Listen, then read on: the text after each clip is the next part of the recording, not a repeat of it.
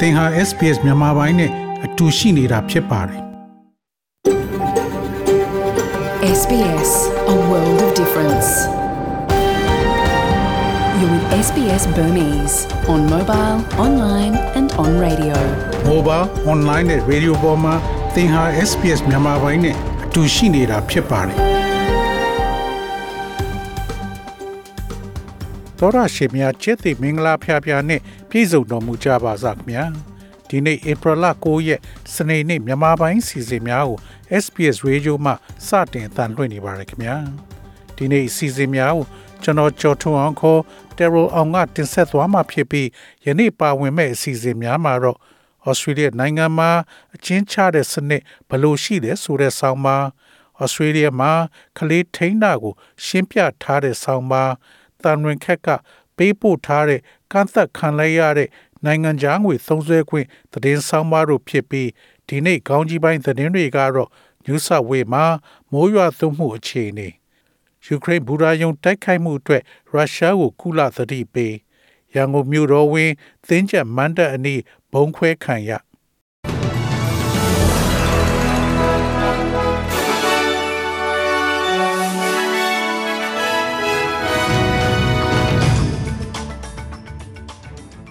ယခုချိန်ကစပြီးသတင်းများကိုကျွန်တော်ကြော်ထုတ်အောင်ကစတင်ဖတ်ကြားပါတော့မယ်။ New South Wales မှာမိုးရွာသွန်းမှုအခြေအနေ New South Wales မြို့ခံရာပေါင်းများစွာသည်ကျောင်းအားလရဲ့ရဲ့ပထမဆုံးနေ့မှာပဲဘေးလွတ်ရာသို့ရွှေ့ပြောင်းနေထိုင်ရန် အမိန့်ပေးထားပြီးရေပြည့်နေတဲ့ဒဲများမှ ရေစီးဆင်းရန်အချိန်ယူအောင်မယ်လို့ခံမှန်းထားပါတယ်။တောက်ကြနေမှာယူဆဝေးတဲ့နေရာအနှံ့ပြမှာသီးထန်စွာ ရွာသွန်းမှုရောပါသွားတော်လဲသတင်းပတ်ကုန်းတွင် Greater Sydney ရဲ့တချို့နေရာများတွင် ရေလွှမ်းမှုမှုများဆက်လက်ဖြစ်ပေါ်နေဖို့ရှိပါတယ်။ Hawkesbury နေပြည်တော်တွင်တောက်ကြနေကမြည်ရည်မြင့်တက်မှုကိုစောင့်ကြည့်နေစေဖြစ်ပြီးမြေနေပိုင်းစင်ကြေပုံ12ခုတွင်ဘေးလွတ်ရာရွှေ့ပြောင်းရန်အမိန့်73ခုထုတ်ပြန်ထားပါတယ်။ Easter ကျောင်းအားလာရဲ့ရဲ့ပထမနေ့မှာလူပေါင်း1200ခန့်ကို ဘေးလွတ်ရာသို့ရွှေ့ပြောင်းရန်အမိန့်ပေးထားပြီးနောက်ထပ်1500ကိုလည်း၎င်းတို့ထွက်ခွာရန်လိုအပ်သေးကြောင်းသတိပေးထားပါတယ်။ New South Wales ပြည်내ဝန်ကြီးချုပ် Dominic Perrottet ကထိခိုက်ခံစားရသူများရော်ကြီးကိုရှောက်ပိုင်ခွင့်ရှိတယ်လို့ဆိုပါတယ်။ရေကြီးမှုကြောင့်နေအိမ်ဆုံးရှုံးခဲ့ရင်ငွေကြေးထောက်ပံ့မှုရယူသင့်ပါတယ်။ LGA ကိုအခြေခံပြီးခွဲခြားလို့မရပါဘူး။ ဘယ်လိုဖြစ်ပျက်တွေဖြစ်ခဲ့သလဲလူတွေရင်ဆိုင်နေရတဲ့အခြေအနေတွေကိုကြည့်ရမှာဖြစ်ပါတယ်။ပြီးတော့လူတွေကိုသူတို့အခြေပြန်ချဖို့အိမ်ပြန်ပြီးမျိုးတွေကို ပြန်လည်ပတ်နိုင်ဖို့လိုအပ်တဲ့ငွေကြေးအထောက်ပံ့ကို ကျွန်တော်တို့ပံ့ပိုးပေးမှာပါပြီးတော့မလန်ဘင်ဘီမှာရှိတဲ့တယောက်ယောက်ကိုလစ်မောမှာရှိတဲ့တယောက်ယောက်နဲ့မတူကွဲပြားစွာဆက်ဆံသင့်နေဆိုတဲ့အကြောင်းပြချက်ကိုတော့ကျွန်တော်မမြင်နိုင်ပါဘူး မြောက်ပိုင်းမြစ်တွေကိုဖျက်ပြီးအပြည့်စီးများတဲ့ကာလပါယူကရိန်းဘူရာယုံကိုတိုက်ခိုက်မှုအတွက်ရုရှားကိုကုလသတိပေးယူကရိန်းအရှေ့ပိုင်းမှာရှိတဲ့ဘူရာယုံနဲ့တခြားနေရာတွေကိုရုရှားရဲ့သောက်ကြနေပြစ်ခတ်တိုက်ခိုက်မှုတွေဟာ လုံးဝလက်ခံနိုင်စရာမရှိသလိုဒါဟာနိုင်ငံတကာလူသားချင်းစာနာမှုဆိုင်ရာနဲ့လူအခွင့်အရေးဆိုင်ရာဥပဒေတွေကိုပြင်းပြင်းထန်ထန်ချိုးဖောက်လိုက်တာဖြစ်ပြီးကျူးလွန်သူတွေကိုအရေးယူရမှာဖြစ်ကြောင်းကုလသမဂ္ဂကကြေညာလိုက်ပါတယ်။ယူကရိန်းရှေ့ပိုင်းက Kramatorsk ဘူရာယုံမှာတောက်ကြနေပြစ်ခတ်တိုက်ခိုက်မှုအတွင်းအယက်သားထိခိုက်မှုသေဆုံးမှုတွေရှိနေပြီးအမျိုးသမီးတွေ ကလင်းငယ်နဲ့သက်ကြီးရွယ်အိုတွေအပါအဝင်သေဆုံးဒဏ်ရာရသူဒါဇင်နဲ့ချီရှိနေပြီးသူတို့ကိုကယ်ထုတ်ဖို့စောင့်နေကြတဲ့အပြင်တခြားအရက်သားတွေနဲ့အရက်ဖက်အဆောက်အုံတွေပါတိုက်ခိုက်ခံနေရတာတွေဟာလုံးဝလက်ခံနိုင်စရာမရှိဘူးလို့ကုလသမဂ္ဂအတွင်းမှုချုပ်ရဲ့ပြောခွင့်ရစတက်ဖင်ဒူဂျာရစ်ကတောက်ချာနေ့ရုံးချုပ်သတင်းစာရှင်းလင်းပွဲမှာပြောသွားပါတယ်။ ဒါအပြင်ဒီရက်ဆက်ဆိုးဝါးတဲ့စစ်ပွဲအမြန်ရပ်ဆိုင်းဖို့အတွင်းမှုချုပ်အန်တိုနီယိုဂူတာရက်စ်ကတောင်းဆိုလိုက်ကြောင်းလည်းပြောဆိုပါတယ်။ယူကရိန်းအရှေ့ပိုင်းကနေဘေးလွတ်ရာထွက်ပြေးဖို့ဒေသခံတွေသုံးနေတဲ့ Kramatorsk ဘူရာယုံကို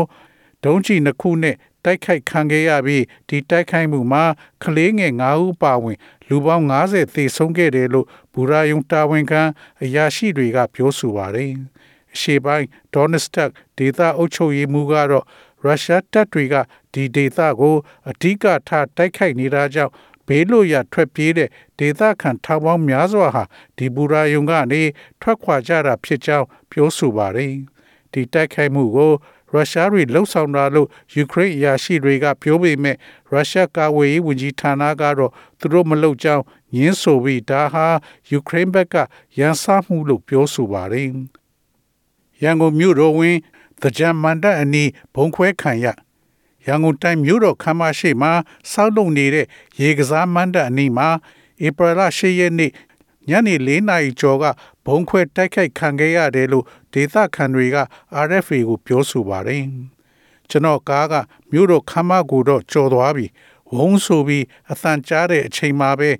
မီးပွင့်မိတယ်။ကားဘက်မှန်ထဲကချီတော့ ဘန်ကာတွေနောက်ကစစ်သားတွေမြို့တော်ခမ်းမမန္တကိုတပြုံကြီးပြေးသွားကြတယ်။တေဆုံးထိခိုက်တာကတော့ကျွန်တော်အသေးချာမသိဘူးလို့အခင်းဖြစ်နေရနီးမှရှိနေတဲ့အငှားရင်မောင်းတူကပြောဆိုပါတယ်။ဘုံပေါက်ကွဲမှုဖြစ်ပြီးချင်းမှာပဲစစ်ကောင်စီရဲ့လုံခြုံရေးတပ်ဖွဲ့ဝင်တွေကစူလေးဖျားလန်းမဟာဗန္ဓုလလန်းကန္နာလန်းတွေကိုပိတ်ပြီးကားတွေကိုစစ်ဆေးခဲ့တယ်လို့သူကပြောပါတယ်။ဒီဖြစ်စဉ်ကြောင့် ထိခိုက်မှု ရှိမရှိကိုတော့မသိရသေးသလိုစစ်ကောင်စီဘက်ကတစုံတရာထုတ်ပြန်ထားတာလည်းမရှိသေးပါဘူး။မျိုးပြပျောက်ကြားအဖွဲ့ဖြစ်တဲ့ Dark Shadow ဖွဲ့ကတော့ဒီတိုက်ခိုက်မှုကို သူတို့လှုံ့ဆော်ခဲ့တာလို့ Facebook လူမှုကွန်ရက်စာမျက်နှာကနေ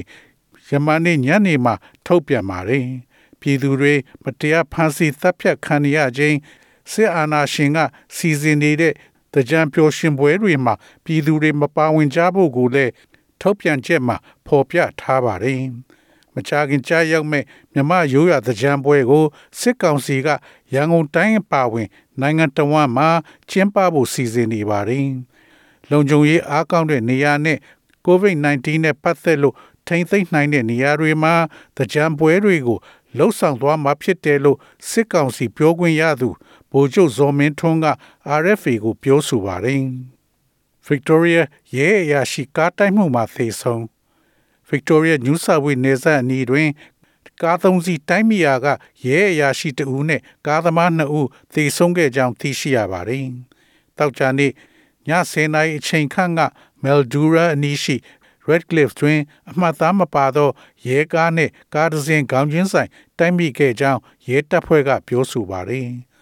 အမျိုးသမီးရဲမှုကြီးတဦးအခင်းဖြစ်နေရာတွင်သေဆုံးသွားပြီးအကြီးတန်းရဲအရာရှိအမျိုးသားတဦးမှစိုးရင်ရသောအခြေအနေဖြင့်ဆေးရုံသို့ပို့ဆောင်ထားပါသည်။ယူကာမောင်းသူမှာသေဆုံးသွားပြီးခီးတဲ့နှစ်ဦးဖြစ်သည့်ကလေးနှစ်ဦးကိုဆေးရုံသို့ပို့ဆောင်ထားကြောင်းသိရှိရပါတယ်။တာရီယာရင်မောင်းနှင်းသူနဲ့ကလေးခီးတဲ့တို့လည်းဒဏ်ရာရရှိခဲ့ပြီးဆေးရုံသို့ပို့ဆောင်ထားကြောင်းသိရှိရပါတယ်။ရဲတပ်ဖွဲ့က Crime Stopper မှုကင်းတားဆီးနှိမ်နင်းရေးရဲတပ်ဖွဲ့ထံသတင်းချက်လက်တွေရှိသူတိုင်းကိုဆက်သွယ်ရန်တိုက်တွန်းထားပါတယ်။ BA2 Omicron မျိုးကွဲဗီဇပိုးသစ် virus တွေထဲကူးစက်နှုန်းအများဆုံးဟုဆို BA2 Omicron မျိုးကွဲဗီဇပိုးသစ်ဟာတွေ့ဘူးသမျှ virus ပိုးတွေထဲမှာကူးစက်နှုန်းအများဆုံးဖြစ်ပြီးအထူးဆိုးရင်ရတဲ့အကြောင်းနဲ့ဆေးရုံတက်ကုသသူတွေသေဆုံးသူတွေတွေ့ရနိုင်တယ်လို့ Texas ပြည်နယ် Baylor ဆေးပညာ College က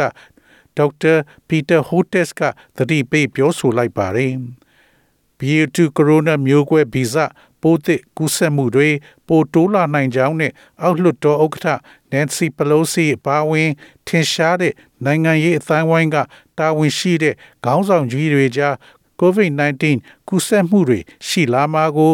ကြိုတင်မျှော်လင့်ပြီးသားဖြစ်တဲ့အကြောင်းကူးစက်ရောဂါဆိုင်ရာကျွမ်းကျင်သူပညာရှင်ဒေါက်တာပီတာဟိုတက်စ်ကပြောဆိုလိုက်ပါတယ်။ Coronavirus ဗီဇမျိုးကွဲ BA2 ပိုးသစ်ကူးစက်မှုက ပိုတိုးလာဖို့ရှိပါတယ်။လူတွေအတော်များများကူးစက်တာကိုတွေ့ရပါလိမ့်မယ်။အောက်လွှတ်တော်ဥက္ကဋ္ဌပဲဖြစ်ဖြစ်အိမ်ဖြူတော်က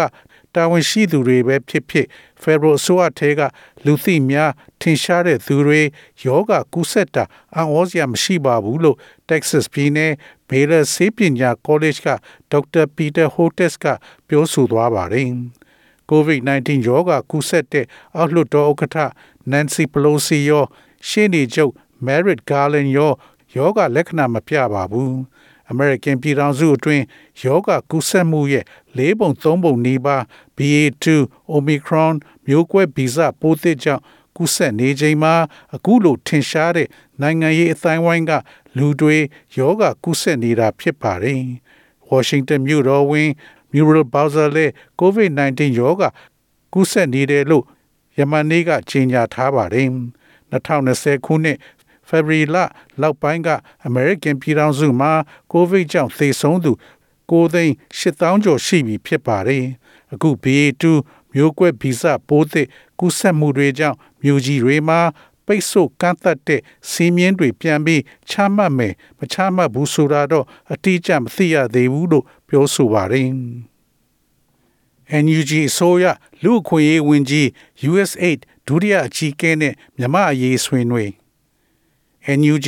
အမျိုးသားညီညွတ်ရေးအစိုးရလူ့အခွင့်အရေးဝန်ကြီးဦးအောင်မျိုးမင်းနဲ့ American ပြည်ထောင်စုနိုင်ငံတကာဖွံ့ဖြိုးရေး Agency USAID ဒုတိယအုပ်ချုပ်ရေးအရာရှိ Sobel Coleman တို့တောက်ကြနေ့က American ပြည်ထောင်စုမှာတွေ့ဆုံခဲ့ပါတယ်။ မြန်မာနိုင်ငံကလက်ရှိပဋိပက္ခတွေဖြေရှင်းနိုင်ရေးနဲ့ဒီမိုကရေစီပြန်လည်ထွန်းကားရေးအတွက်ဆွေးနွေးခဲ့ကြတယ်လို့ USAID ကထုတ်ပြန်ကြေညာခဲ့ပါတယ်။ USAID ဒုတိယအကြီးအကဲက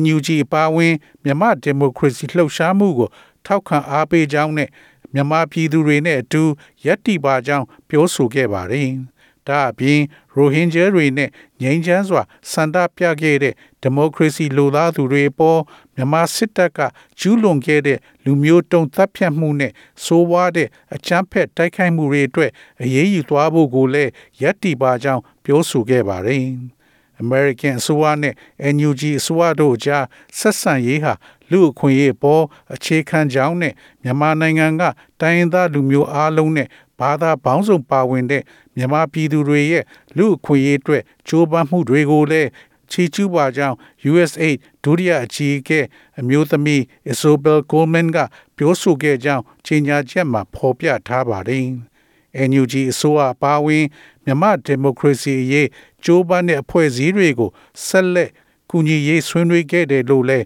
ဖော်ပြထားပါတယ်။ မြန်မာနိုင်ငံမှာပြီးခဲ့တဲ့ February လစစ်တပ်ကအာဏာသိမ်းလိုက်ပြီးနောက်ပိုင်းဖွဲ့စည်းထားတဲ့ NUG ကိုတော့စစ်ကောင်စီကအချမ်းဖက်အဖွဲ့အစည်းအဖြစ်သတ်မှတ်ထားပါတယ်။ဒါပေမဲ့လည်း American ပါဝင်အနောက်နိုင်ငံတွေနဲ့နိုင်ငံတော်များများကတော့မြမအရေးဖြည့်ရှင်းနိုင်ဖို့ NUG နဲ့တွဲဆုံဆွေးနွေးတာတွေလုပ်လေ့ရှိပါတယ်။ SBS SBS SBS SBS SBS This is SBS Radio. ငွေလဲနှုန်းမှာတော့ Australian dollar ကိုမြန်မာကျပ်ငွေ1380ကျပ်ရရှိပြီး American dollar ကိုမြန်မာကျပ်ငွေ1853ကျပ်ရရှိပါတယ်။ Australian dollar ဟာ American 84စက်နဲ့ညီမျှပါတယ်။မနေ့ဖြန် Australia တိုက်မှာရှိတဲ့မြို့ကြီးများရဲ့မိုးလေဝသခန့်မှန်းချက်ကတော့ Sydney မြို့မှာအပူချိန်25ဒီဂရီစင်တီဂရိတ်ရှိမှဖြစ်ပြီးနာနဲ့ပိုင်းမိုးရွာသွန်းနိုင်ပါတယ်။ Melbourne မြို့မှာအပူချိန်29ဒီဂရီစင်တီဂရိတ်ရှိမှဖြစ်ပြီးများသောအားဖြင့်နေသာမှာဖြစ်ပါတယ်။ Brisbane မြို့မှာအပူချိန်28ဒီဂရီစင်တီဂရိတ်ရှိမှဖြစ်ပြီးမိုးတိမ်သားများအနည်းငယ်ရှိမှဖြစ်ပါတယ်။ Perth မြို့မှာအပူချိန်23ဒီဂရီစင်တီဂရိတ်ရှိမှဖြစ်ပြီးမိုးတစ်ဖြောက်နှစ်ဖြောက်ရွာသွန်းနိုင်ပါတယ်။ Adelaide မြို့မှာအပူချိန်29ဒီဂရီစင်တီဂရိတ်ရှိမှဖြစ်ပြီးမိုးတိမ်သားများရှိလာမှာဖြစ်ပါတယ်။ Hobart မြို့မှာအပူချိန်25ဒီဂရီစင်တီဂရိတ်ရှိမှဖြစ်ပြီးမိုးတစ်ဖြောက်နှစ်ဖြောက်ရွာသွန်းနိုင်ပါတယ်။ Canberra မြို့မှာအပူချိန်23ဒီဂရီစင်တီဂရိတ်ရှိမှဖြစ်ပြီးမိုးတိမ်သားများအနည်းငယ်ရှိမှဖြစ်ပါတယ်။ဒါဝင်မြို့မှာအပူချိန်34ဒီဂရီစင်တီဂရိတ်ရှိမှဖြစ်ပြီးများသောအားဖြင့်နေသာမှာဖြစ်ပါတယ်။ဤတွင်သတင်းများကိုကြီးညာလို့ပြီးပါပြီခင်ဗျာ။။